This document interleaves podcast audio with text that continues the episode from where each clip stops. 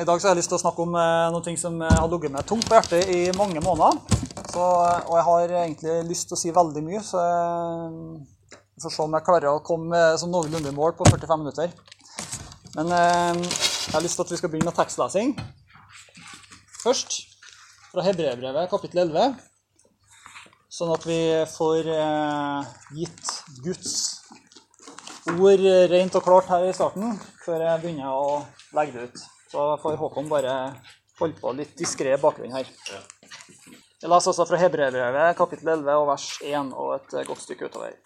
Troen er et pant på det vi håper, et bevis for det vi ikke ser. For sin tro fikk de gamle godt vitnesbyrd.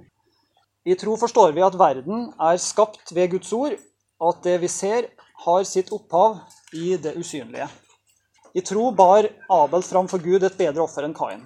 Fordi Abel trodde, fikk han vitnesbyrd om at han var rettferdig. Det vitnet Gud om da han ofret, og med sin tro taler han ennå etter sin død. I tro ble Enok rykket bort uten å dø. Ingen så han mer, for Gud hadde tatt han til seg. Før han ble rykket bort, fikk han vitnesbyrd om at han var til glede for Gud. Uten tro er det umulig å være til glede for Gud. For den som trer fram for Gud, må tro at han er til, og at han lønner den som søker ham. I tro fikk Noah varsel om det som ennå ikke var synlig. I Guds frykt bygde han en ark og berget sin familie. Hans tro ble en dom over verden, og selv ble han arving til den rettferdighet som troen gir. I tro var Abraham lydig da han ble kalt, så han dro ut til et land som han skulle få i arv. Han dro av sted uten å vite hvor han kom, og i tro levde han som fremmed i det landet Gud hadde lovet ham. Han bodde i telt sammen med Isak og Jakob, som var medarvinger til det samme løftet. For han ventet på byen med de faste grunnvollene, den som har Gud til byggmester og skaper. I tro fikk også Sara kraft til å grunnlegge en ett, enda hun var ufruktbar og for gammel til å få barn.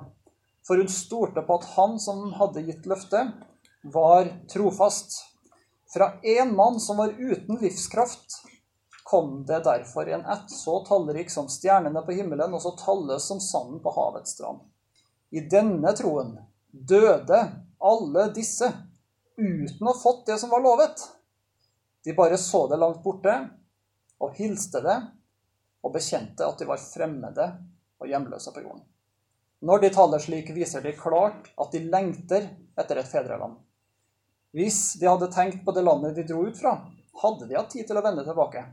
Men nå er det et bedre land de lengter etter. Det himmelske. Derfor skammer ikke Gud seg over dem, men vil kalles deres Gud. For han har gjort det stand en by for dem. Amen. Vi stopper der. Jeg kunne godt ha lest hele kapittelet, men eh, jeg kunne godt tenkt meg å bruke tida på å snakke mye rundt det som eh, er tematikken her, nemlig tro. Eh, og ofte så snakker vi om tro som noe som er litt sånn kortsiktig, og noe som egentlig kan oppfylles innenfor ganske kort tid. Tro for å få jobb, tro for å ta utdannelse, Tro for å flytte et nytt sted. Da jeg var 19 år, så, så fikk jeg kyssesyken. Og da var det noen som eh, kjørte bil opp til Soknedalen for å legge hendene på meg og be for meg at jeg skulle bli frisk. De hadde tro for det. Jeg hadde tro for å jeg hadde, jeg hadde tro for å ta en pause, så jeg syntes ikke det var så farlig. Men, eh, men jeg må bare berømme min venn som hadde tro for å, for å ta turen den timen det tok da å kjøre til Soknaren for å legge hånda på meg og be om at jeg skulle bli helbreda. Poenget mitt er i hvert fall tro eh, i måten vi snakker på. Ofte er litt sånn eh, ting som foregår over ganske kort tid. Og det er ikke noe galt i det. Men i Bibelen så møter vi i tillegg en litt annen måte å se tro på. Nemlig at tro, det er noe som strekker seg over lang tid. I de historiene som vi allerede har lest her, Abraham, Isak, Jakob, Noah, Enok, så ser vi en tro som varer livet ut, og som til og med ikke er fullført når de tar kveld. Det er en sånn type tro Gud vil gi oss, i tillegg til det som vi kan se oppfylt. Vi trenger å ha med oss begge de sidene her i livet, og det er litt derfor jeg har lyst til å snakke om visjon for kommende generasjoner. Det høres litt sånn gammelkallaktig ut, kanskje. Jeg er jo 38 år. I 2062 så jeg fyller 80 år. Har dere tenkt på det? Det er nettopp før min 100-årsdag. Ja. Og det er litt sånn rart å begynne å bli så voksen at du tenker sånn i det hele tatt. Det, noen vil si at det der er et alarmerende tegn, Arne Olav. Du er ganske ung til sinns, i hvert fall. Men eh, som jeg sa, det her har begynt å demre for meg. At hva er det vi gir videre til neste generasjon, som dem igjen gir videre til sin generasjon. Hvilke lange linjer så er det viktig at vi eh, ikke bare tar vare på, men som vi òg trenger å gjenoppdage. Som ikke har vært så tydelig fra det vi har arva fra forrige generasjon. Og når dere skjønner at det er det jeg har tenkt å snakke inn i, så skjønner dere at det trenger ganske mye tid. Men jeg skal, jeg skal prøve å berøre noen områder i dag. Eh, og så kommer jeg ikke til å snakke så veldig inngående, men antagelig så kommer jeg til å, snakke på en sånn måte at dere får en del spørsmål rundt Si mer om det her. Det her er interessant å snakke om. Hvis jeg får til det, så skal jeg være fornøyd. Jeg har lyst til å bare nevne én person til, og det er Marie Monsen.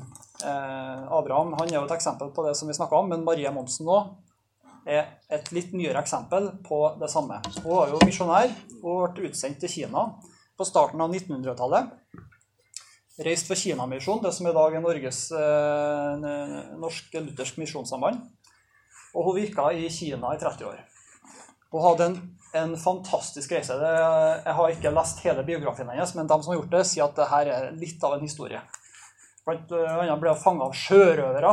Det er jo ikke mange av oss som har blitt. Hun har hun reist til Kina som var prega av borgerkrig. Dette var før kommunismen slo inn. Og hun, hun befant seg i en region midt i Kina hvor hun så store ting skje for evangeliet hvor så, så utgytelse av Den hellige ånd. Mange mennesker frelst. Og det her eh, fikk hun holde på med sånn ca. rundt 1930. Eh, så skjedde ting i livet hennes. Hun ble overbevist om eh, troendes blant bl.a. Og begynte å, å, å, å være kvinnesaksaktivist òg. Kjempa for at kvinner skulle gjøre noe mer enn bare å være hjemme. Og det, summen av alt dette gjorde at hun, spesielt det med dåp, gjorde at hun ikke fikk lov å arbeide lenger i Misjonssambandet. Så hun reiste ikke noe mer ut som misjonær. Hun jobba som forkynner og forfatter i Norge de siste årene. Samtidig som at hun stelte foreldrene så lenge de levde, og var jo da ugift. Og døde, døde enslig eh, på Ja, det var 1962, ja. Når hun dør i 1962, så har jo Kina blitt annerledes. Det har blitt mer og mer, eh, det går jo mot en stenging, og vestlige misjonærer blir sendt ut. Kommunismen slår rot og prøver å dempe den vekkelsen som blussa opp. Så på mange måter så er det det, det hun får med seg når hun da eh, dør i 1962, at det er sånn Kina ser ut. Poenget mitt med å fortelle dette er at hun har satt et frø i jorda i Kina som, eh, som spirer opp når, når eh, kommunismen strammer grepet. Så blusser det opp igjen med vekkelse i Kina. Og eh, hele hennes historie får en renessanse egentlig når, når, det kommer kinesiske kristne til Bergen eh, på starten av 2000-tallet og ser at grava hennes eh, ikke blir vedlikeholdt, og tenker at det her er ei dame Åh, oh, jeg ble så rørt. Huff. Jeg ble en voksen kar. ble rørt av sånt. Eh, ser at grava hennes det her er jo ei dame som har vært med og gitt evangeliet til Kina, og de står i en stor vekkelse. Eh, som, eh, som, skjer fremdeles. Det har jo vært en massiv vekst de siste, siste årene, og, og de ønsker å hedre, å hedre hennes minne. Og broder Jon, eh, den himmelske mannen, hedrer henne i, i forordet i boka si, der han skriver om sin historie om den vekkelsen han har stått i. Så det slår meg at eh, den innsatsen som du gjør i levetida, sjøl om den, du kan føle at resultatene lar vente på seg, så er det noe med at eh, Guds ord og det som vi står for, det, så, det har en sånn sprengkraft i seg at vi trenger ikke bare å se på hva er det som skjer umiddelbart. Amen. Ikke sant? Men hvis det er sant, det som vi står for, og det tror vi jo, så betyr det at vi trenger å så det med frimodighet. Og så må vi ikke henge oss opp i om resultatene ikke er umiddelbare. fordi at er det sant, så vil sannheten alltid seire. Amen. Jeg har lyst til å sitte i Michael Jackson. Jeg hadde ikke planlagt det, men, jeg, men å si Michael Jackson han sier det sånn at løgner de gjør sprinter, men sannheten springer maraton. Fritt oversatt. Jeg syns det er glimrende sagt. Sannheten springer maraton. Fordi at, eh, og det kan dere bare tenke på hvordan media opererer, og vi blir oppgitt og frustrert over alt som foregår der. Men sannheten, folkens, den seirer alltid. Og den kommer til å seire uansett om vi ser det om 50 år levetid eller ikke. Så det jeg har lyst til å snakke om, det er hva gir vi morgendagens misjonærer? Neste generasjon. Jeg liker å omtale det på den måten. Jeg tenker at når jeg er sammen med unger, så trener jeg ledere. Da trener jeg ledere. Jeg trener morgendagens eh, forbilder, rollemodeller. De som skal ta ting videre og være med å realisere det som jeg kanskje ikke får realisert sjøl. Det kan de gjøre. Derfor er det den viktigste tida det er tida sammen med ungene. Da yter jeg mitt beste. Det er i hvert fall det jeg håper på og ønsker. Fordi at da, da planter du ting for framtida. Å kjenne Jesus det å leve for noe større enn oss sjøl og det vi sjøl kan høste frukter av. Så hva vil det si å trene morgendagens misjonærer? Jo, det her har eh, Jeg har lyst til å rett og slett sette en liten sånn støkk i oss alle sammen ved å sitere en som heter David Kinnaman. Han er leder for noe som heter Barna Research, som er den, en av de fremste forskningsinstituttene i, i Amerika innenfor kristenheten. Forsker på kristendommens utvikling. Han sier han, sier, han har en spissformulering. Jeg begynte å lese boka hans, så den spissformuleringa der den skal henge litt. da. Han sier at vi tror mange foreldre, søndagsskolelærere og pastorer forbereder unge kristne på å leve i en verden som ikke finnes lenger. Vi tror mange foreldre, søndagsskolelærere og pastorer forbereder unge kristne på å leve i en verden som ikke finnes lenger. Det er fritt oversatt. Han bruker begrepene Jerusalem og Babylon, men jeg sløyfer dem. Poenget hans er det at, eh, at vi som, spesielt da vi som har vokst opp med, med en kristen familie, kommer fra en kristen bakgrunn, vi har vokst opp i en litt annen tid. Jeg vet med meg selv, jeg har vokst opp uten å, uten å bli konfrontert for hvorfor jeg er kristen. Det skjedde aldri da jeg var liten. Mamma og pappa de, eh, de var kristne. Og hele bygda visste at vår familie var kristen. Jeg ble aldri stilt til veggs. Jeg ble aldri spurt hvorfor tror du på Gud. Jeg tror, hvorfor tror du på Bibelen? Etter en sånn eventyrbok. Jeg har aldri spurt det spørsmålet. Men det er ei litt annen tid som våre barn vokser opp i. Hvor spørsmålene stilles på en litt annen måte. Der har helt sikkert eh, hver familie litt sin egen eh, historie og vitnesbyrd på sånne ting. Eh, Vi har jo våre, vi har fulgt våre barn så langt og vet jo at det der er litt annerledes enn det vi i hvert fall er sjøl har gjennomgått. Og det gjør at det krever noe annet av oss som foreldregenerasjon enn det gjorde for forrige generasjon som var foreldre. Det er liksom det konkluderer med. At det krever mer. Vi må, vi må rett og slett eh, forberede Forberede neste generasjon på en litt annen måte enn vi sjøl ble forberedt. Og det er det jeg har lyst til å snakke om. Jeg har mye på hjertet. Men eh, jeg har lyst til å Jeg har egentlig sirkla ut fire områder. Det er ikke uttømmende. Det kunne de lista over områder vi kunne ha snakka om. Hva dette betyr, den er lang. Men jeg, jeg har lyst til å peke på fire områder kort i dag som, eh, som jeg tror vi trenger å ha en samtale om, eh, alle sammen. Og eh, det her, Mye av det er kjent stoff, da, men jeg, jeg kaster det ut, for jeg tror morgendagens misjonærer trenger å få best mulig fart, medfart, når de skal ut og forandre Norge neste 10-20-30-40 årene. Det første punktet jeg har lyst til å snakke om, det er at vi trenger å gi evangeliet til ungene. Og det håper jeg alle sier amen på. Vi trenger å gi evangeliet. Det er ingen automatikk i at uh, unger som vokser opp i kristne hjem, blir, uh, blir kristne når de er voksne. Vi, uh, vi er alle uh, farga av den kulturen med at folk velger fritt. Det, det er vi med på alle sammen. Så, og det betyr at alle, alle mennesker er individer som må vinnes for Jesus. Det er sånn det er å drive misjon i Norge. Det er en del av spillereglene. Så det betyr at vi trenger å gi, gi vårt aller beste når vi skal gi evangeliet til ungene, har jeg tenkt. Vi må Vi må Ja. Når jeg har skolegruppesamling, er bare Det er altså Det er den viktigste arenaen. Jeg vil gi dem evangeliet om Jesus. Og det, det handler jo det handler om å ikke bare gjengi bibelhistorier og håpe at det er tilstrekkelig, men det er å gjøre alt som står i min makt for at de skal både erfare evangeliet, begripe det, og la det kaste lys over livet sånn som vi møter det. Med alle de erfaringene som vi har i livet. Og det blir vi aldri ferdig med. Vi har stadig erfaringer som voksne òg, som vi trenger å fordøye i lys av evangeliet.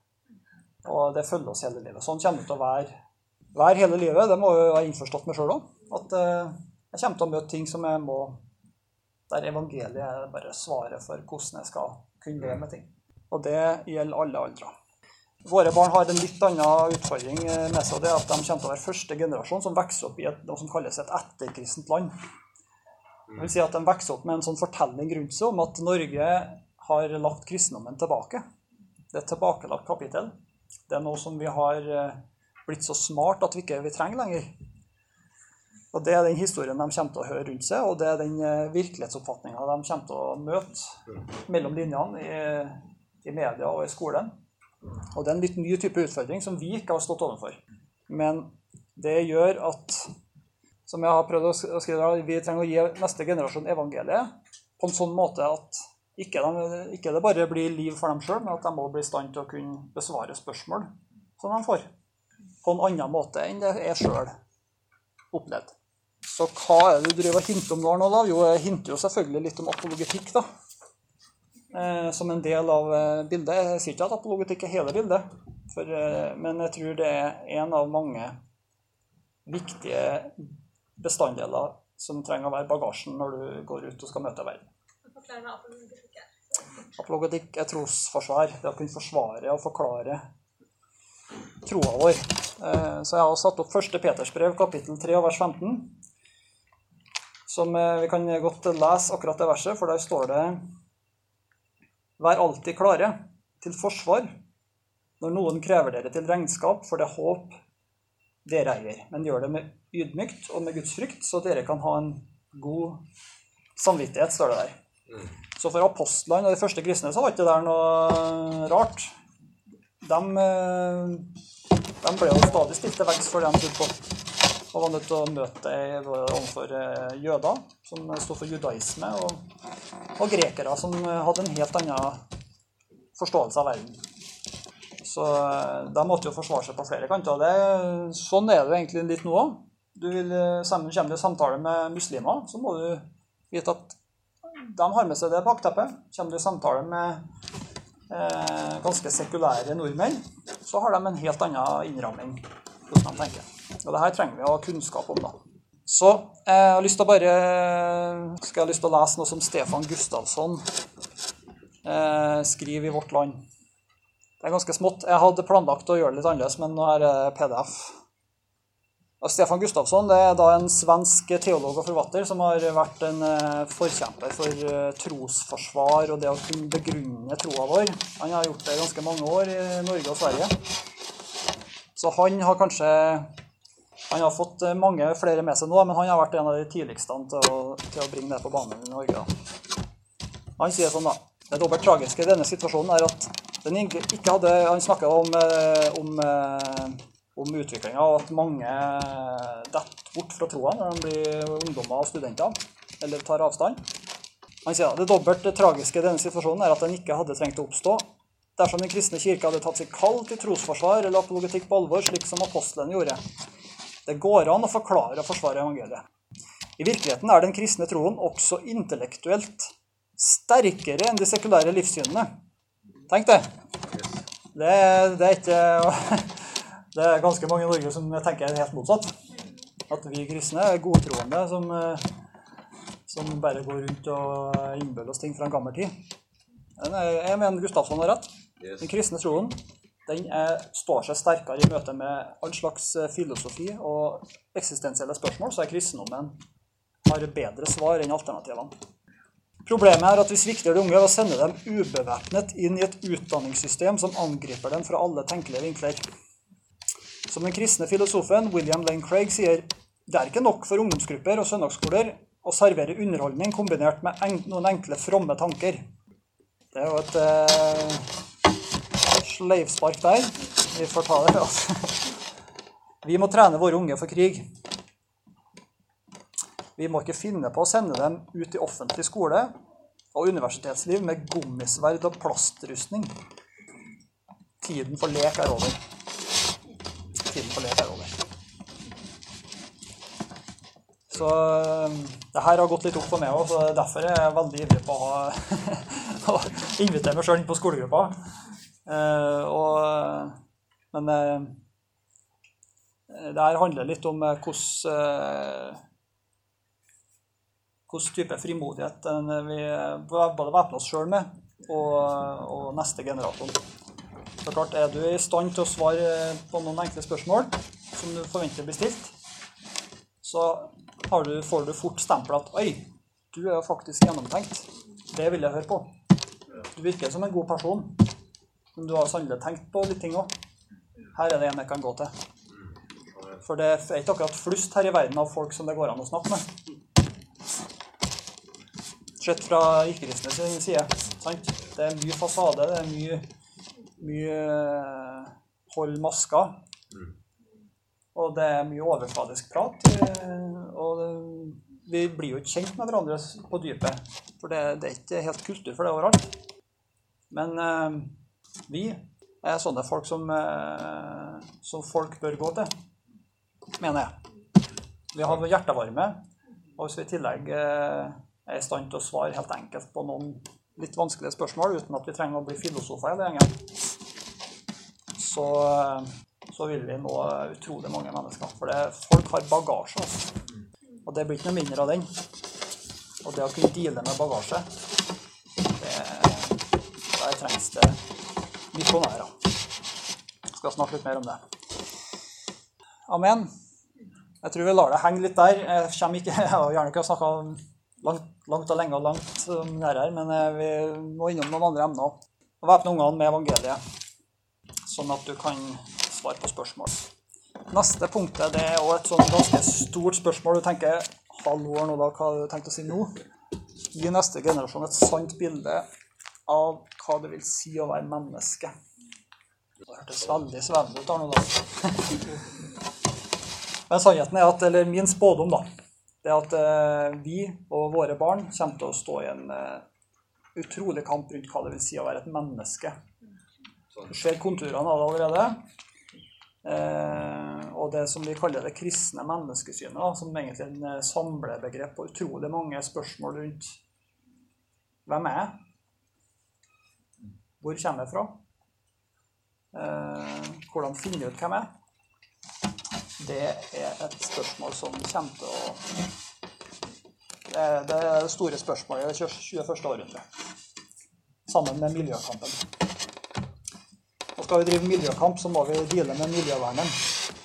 Mennesket. Så det er, viktig, det er et viktig tema. Eh, I Bibelen så står det i første Mosebok kapittel 1 og vers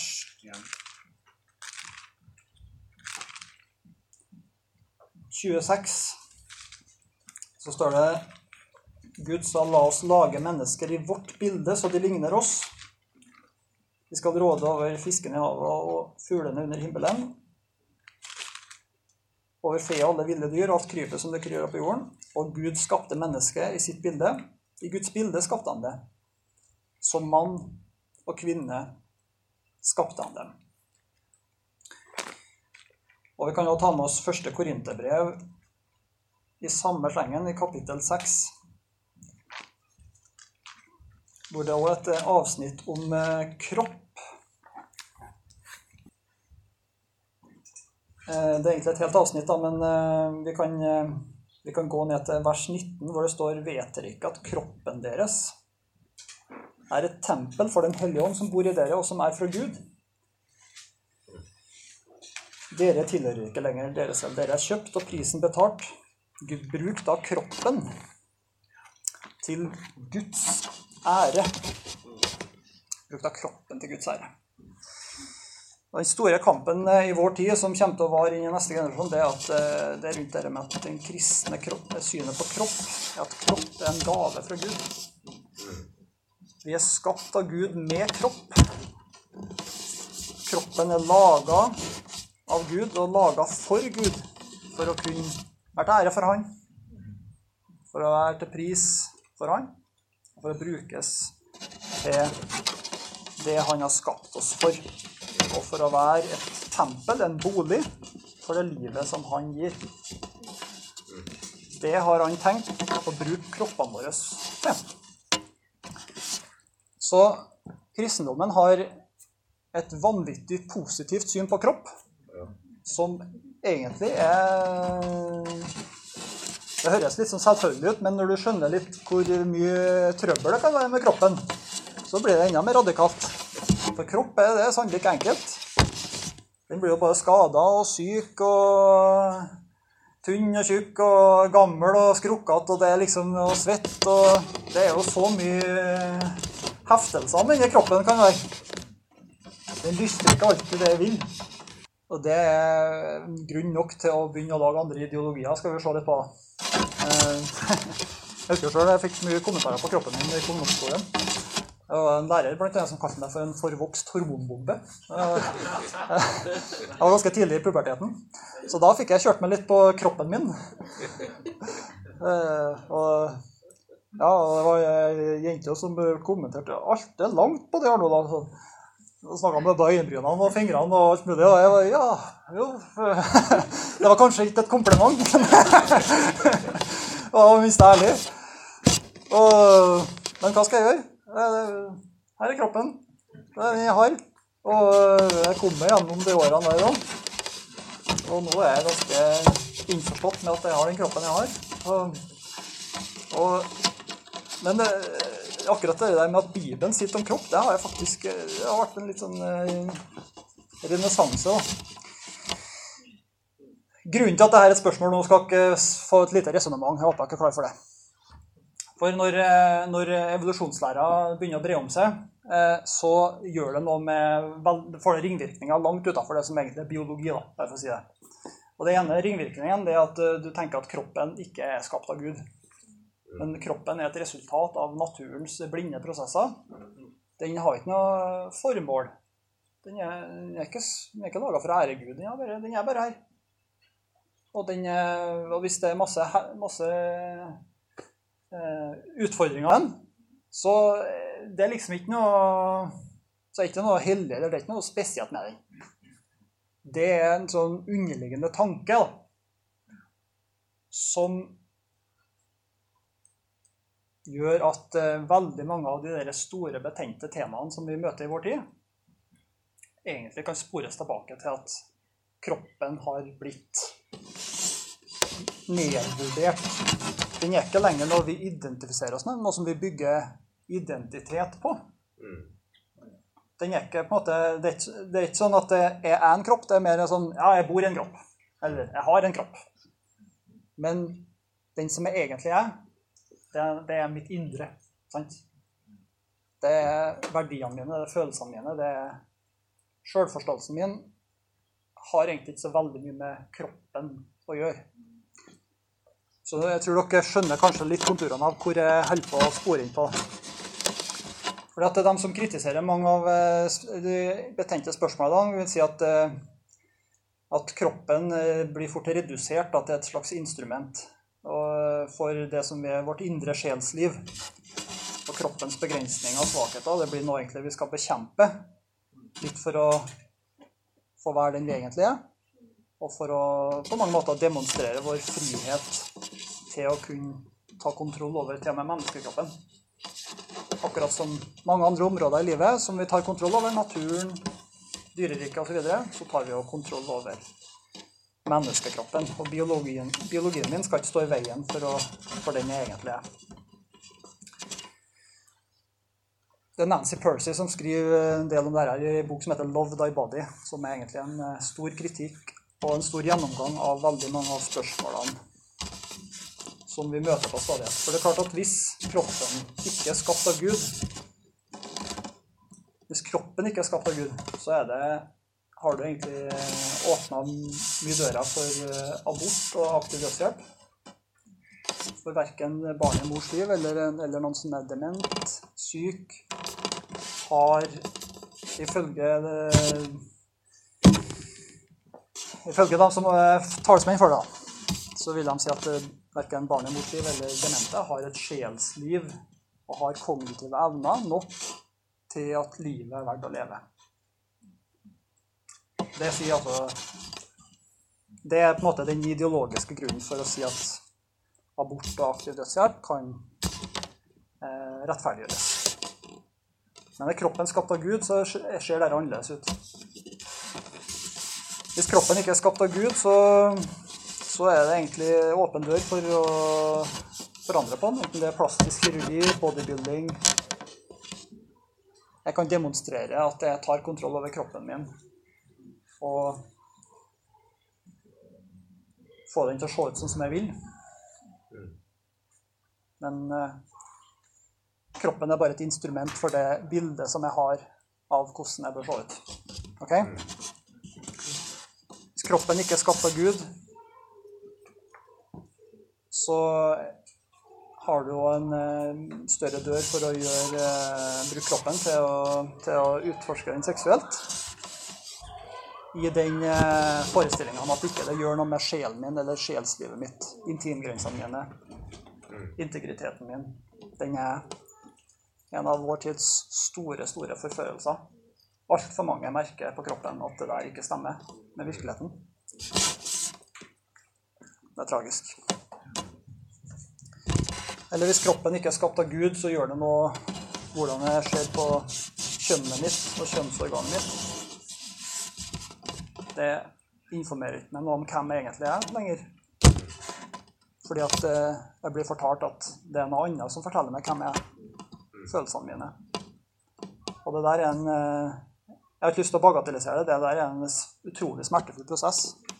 Når jeg tenker på det, så skjønner jeg at det der er vanskelig for dem som står midt oppi det. Men spørsmålet blir ofte skal biologien min stå i veien for den jeg egentlig er. Og så er det hjerteskjærende er jo at kroppen eh, Hvis ikke kroppen er skapt av Gud, så blir det utrolig mange følgekonsekvenser som, som gjør det vanskelig rett og slett å leve forsont med sin egen kropp.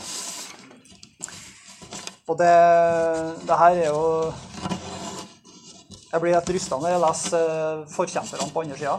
Vi har f.eks. Ei, ei dame som heter Jessica Savano, som er skuespiller. Hun starta en fundraising-aksjon for å lage en dokumentarfilm i USA med tittelen 'I am not my body'. Tenk det. I am not my body.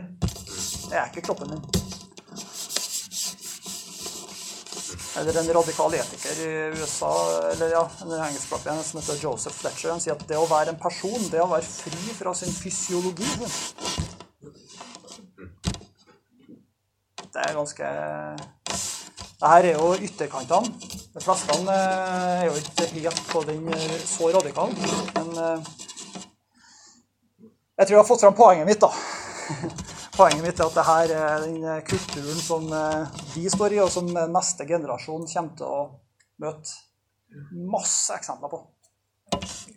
Og vi, vi er ikke sånne som skal stå og å komme med lettvinte slagord på det.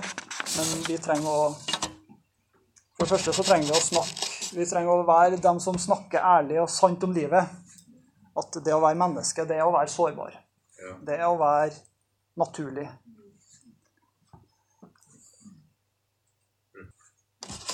Det er å være fin sånn som du er. Og at uh, den kroppen du har, det er en gave fra Gud. Bruk den.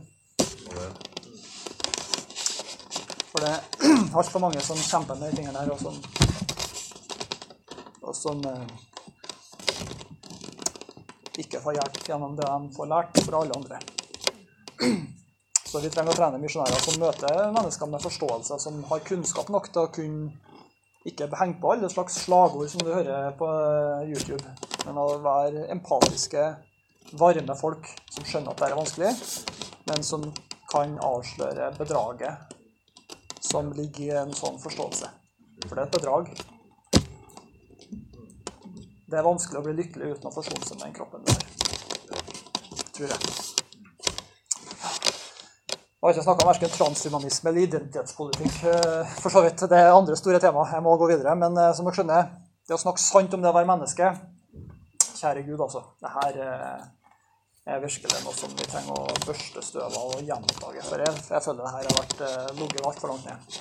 Vi kristne har vært altfor opptatt av å snakke om eh, ånd, sjel og kropp, og at ånden og sjelen det er viktig. Men sannelig, kroppen, den er jo en gave fra Gud. Så det trenger vi å snakke om. Amen. Klokka går. Eh, rekk eh, å snakke litt om eh, de to siste punktene. Jeg skal ikke snakke så veldig mye, men eh, jeg har lansert eh, fire områder i dag. Dette er, dette er et område som nå, jeg tror vi har et eierforhold til fra før. For det handler om synet på menighet. Og dette er fort et sånt område som vi blir litt nærsynt på, for vi er så vant til å tenke at ja, menighet det er jo så trivelig. Det er jo familien min. Og det er så godt å komme på gruppesamling og treffe kjente folk. Og så kommer vi hit, og så prater vi med folk, og det er så mye trivsel! Og det er jo det. Men det er litt sånn rart å tenke på at ja, ja Er det her som er kirke? Ja, det er det. Halleluja. Det var ikke meningen å så tvil om det. altså. Fordi at eh, Men av og til så er det lurt å ta et skritt bak og tenke hva er det egentlig vi driver på med? Jo, det her nå skal følge. Vi driver og reformerer både synet og praksisen på hva kirke er for noe. Det er store ord, men det er det vi faktisk driver på med. Det er 18 år siden vi starta denne menigheten, og vi holder fremdeles på å reformere hva, hva tenker folk er kirke er for noe.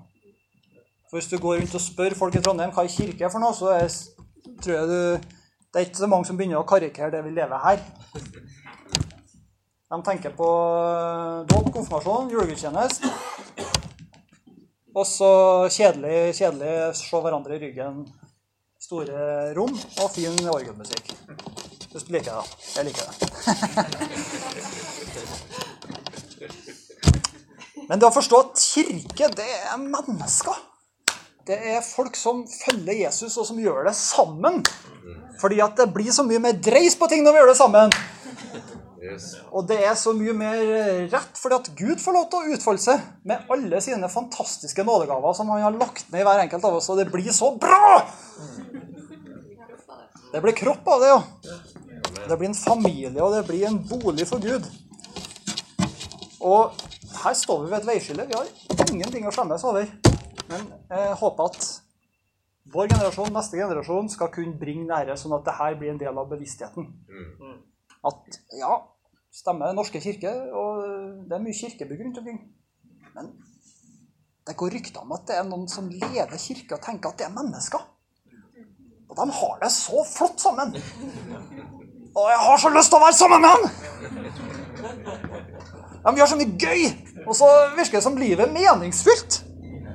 Jeg ser ikke noe mening noen annen plass. Men de går og snakker om det, og så driver de og, og prøver å gjøre verden til et bedre sted.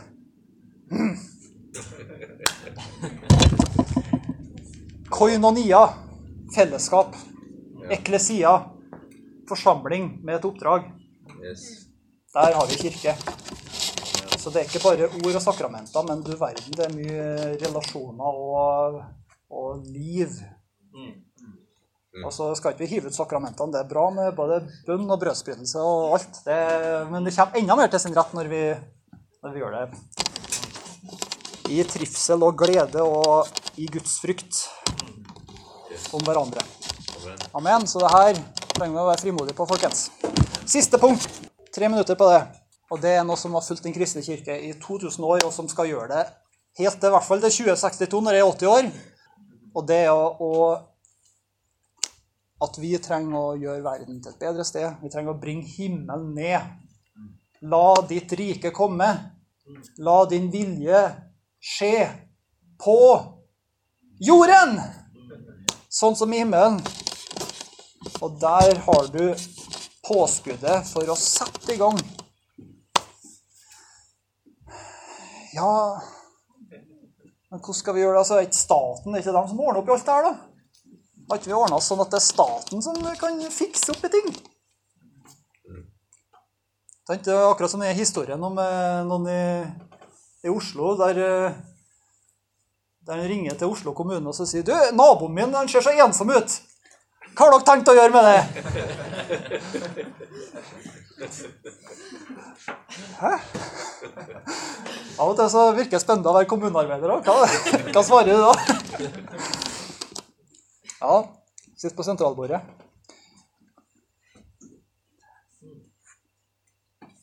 Når keiser Konstantin eh, innførte kristendommen på 300-tallet i Romerike, så ble han etterfulgt av en som het Julian den frafalne som keiser.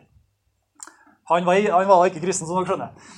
Men, men han, han, han, likte den romerske gudehistorien og tradisjonene. Han syntes det var smertefullt å gi slipp på det. Så han tenkte "Eh, hvordan skal jeg klare å få med folket på å gå vekk fra kristendommen nå? Eh, For det virker jo som de har et veldig overtak på folket. De, de hjelper jo fattige og utstøtte over en lav sko, i kristne, så kanskje vi må prøve å finne på noe sånt òg. Enden på visa er at Julian den frafalne gir opp. Han får ikke folket med seg på å, å hjelpe dem som er nederst på rangstigen. Jeg skjønner ikke vitsen! Mm. Hvorfor skal jeg gjøre det? Skal jeg gjøre det fordi at du er keiser og befaler meg og kommer til å drepe meg hvis jeg gjør det? Ok, kanskje. Men evangeliet har en sånn appell.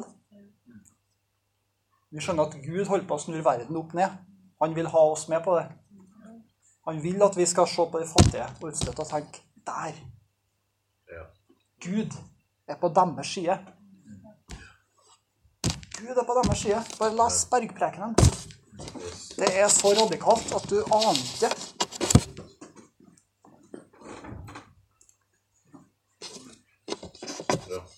Og tenk for et privilegium det er å, å få lov til å gjøre noe meningsfullt med livet. Åh, det er altså eh, Til og med lykkeforskere sier at du blir jo egentlig ikke lykkelig av å fylle livet ditt med fornøyelser til du ikke klarer å gå lenger. Men gjør du noe meningsfullt, kan du til og med tåle å bli sliten, for det er verdt det. Ja. Kan du til og med tåle at folk lurer for en 200-lapp. Åh, jeg ble lurt. Jeg ble lurt når jeg var ungdom. Det var noen som utnytta min godhet òg. Jeg har lært på det, men så tenkte jeg OK. Herren ser det. Jeg får så stort på det. Så jeg kan si mye om det her, men jeg skal lyst til å bare avslutte med at eh, folk som forandrer verden, jeg, jeg har trua på at eh, vi må gjøre vårt aller beste der òg. Så hei på at folk tar utdannelse. Skaffer seg kunnskap og kompetanse. Sant? Jeg har en eh, venn som eh, han, han ville ta sivilingeniør, og, og han, han ville lære seg å, bore brønner. Mm. Jeg har lyst til å reise ut og bore brønner der det ikke fantes brønner fra før. Jeg tenkte bare, Halleluja, det er jo en motivasjon til å ta fem år på NTNU. Så det er det du har tenkt å gjøre. Det er jo ikke sånn at alle kan reise ut heller, men alle kan være med og gjøre noe. Og være en medspiller. Sant? Du kan eh, tjene penger og sponse andre som kan gjøre noe. Det er bruk for alle mann i å bygge den her verden som Gud har drømt om, og som han er nærmere enn noen gang i å realisere. Tenk det. Vi er her vi er i dag. Og for meg blir det jo helt bakvendt når, når en del sier at eh, det er pga. at vi har vraka kristendommen at vi har det så bra i dag. Hallo! Det er jo helt motsatt. Yes. Det er jo pga. kristendommen Amen. at vi klarer å bygge en sivilisasjon som har kommet så langt. Men det stopper ikke her. Og neste generasjon skal få lov til å få en stafettpinne. Og da er alle temaene her, og sikkert flere andre temaer Jeg har sikkert kunnet holdt på Ja, dere sitter sikkert og tenker på andre ting som, som er viktige bilder her, men jeg bare tenker åh, Den stafettpinnen, altså. Ja. Den eh, tenker jeg på allerede nå. Selv om jeg egentlig er både ung og sprek og alt som er. OK. Himmelske Far. Jeg bare ber, Herre. Jeg ber for oss, og jeg ber for dem som skal komme etter oss, Herre, at vi skal få lov til å fullføre det løpet, den etappen, Mm. som du har for oss, Herre. Jeg ber, Far, om at du skal tale til oss inn i tingene her. At du skal hjelpe oss å se vår plass i det store bildet, sånn at vi kan gjøre vårt aller beste for å, for å forme verden sånn som du vil, Herre. Mm. Hjelp oss til å se den, den eh, på gata, Herre, som, som det er lett å gå forbi, Herre. Mm. Hjelp oss til å se det store i det ubetydelige, Herre. Far, hjelp oss, Herre. Led oss ved dine hånd. Fyll oss med ditt ord, Herre, sånn at vi blir så vis, Herre, og så klok og så empatisk og så varm, Herre. At, eh, at vi blir svaret for mennesker i vår vei, Herre. At vi kan være sånne som leder folk til det, Jesus, og til å få bønnesvar for det han ber om, Herre. I Jesu navn, Far. Amen. Amen. Amen.